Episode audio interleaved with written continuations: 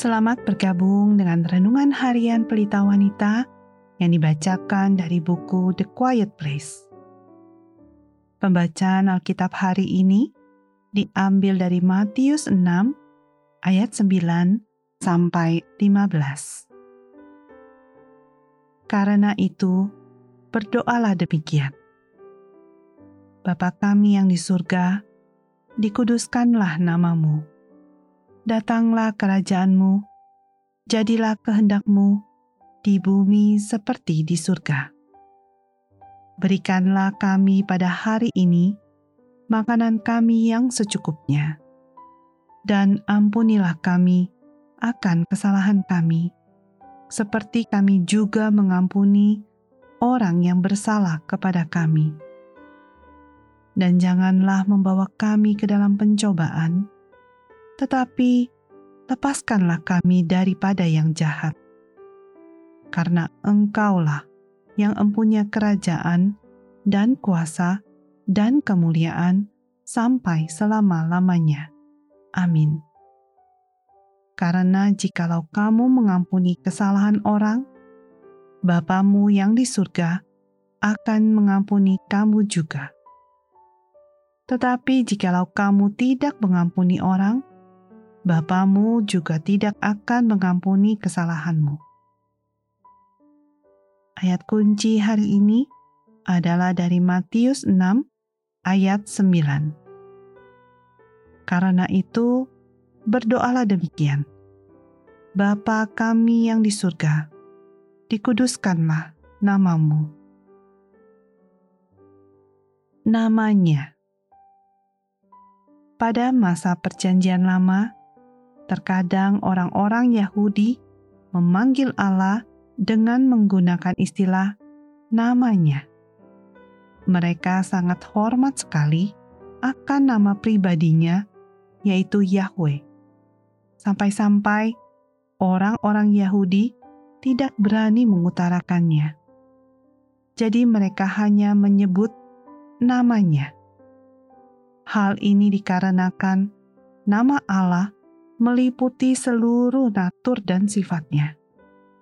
Sama halnya seperti nama kita, menunjukkan siapa diri kita. Nama Allah juga menunjukkan siapa dirinya.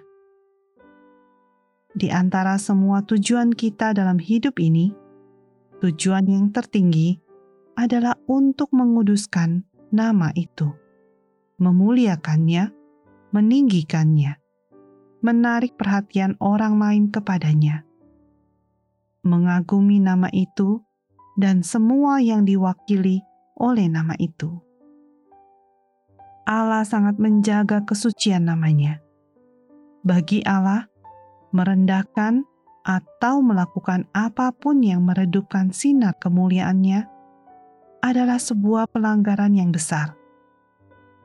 Inilah alasan mengapa salah satu perintah pertama bagi umatnya adalah jangan menyebut nama Tuhan Alamu dengan sembarangan.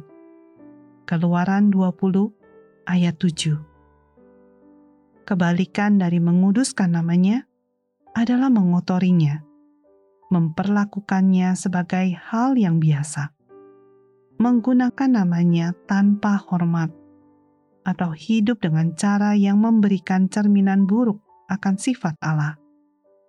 Dalam menempatkan permohonan di awal dari model doanya, Tuhan Yesus menyatakan bahwa tidak ada permohonan untuk kebutuhan diri kita sendiri, seperti masalah kesehatan, rusaknya hubungan dengan orang lain, kekurangan secara finansial, yang lebih tinggi dari permohonan ini.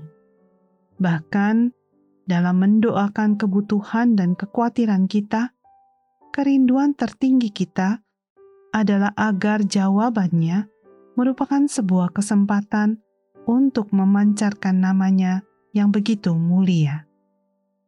Sebagai anak-anak Allah, seberapa pentingnya bagi kita untuk menjunjung tinggi nama Bapa kita. Jika kita orang-orang yang telah diberikan nama keluarganya tidak memperlakukan namanya dengan penuh hormat, bagaimana kita bisa mengharapkan namanya dihormati di dalam dunia ini? Sangat tragis untuk mendengar kata-kata, sebab oleh karena kamu nama Allah dihujat di antara bangsa-bangsa lain. Roma 2 ayat 24 Kiranya namanya yang kudus bisa ditinggikan hari ini di dalam dan melalui hidup kita. Sebagai penutup, mari kita renungkan pertanyaan ini. Akan terlihat seperti apa jika nama Allah dikuduskan di dalam dunia kita, dalam gereja kita, dalam rumah kita, dan dalam hati Anda?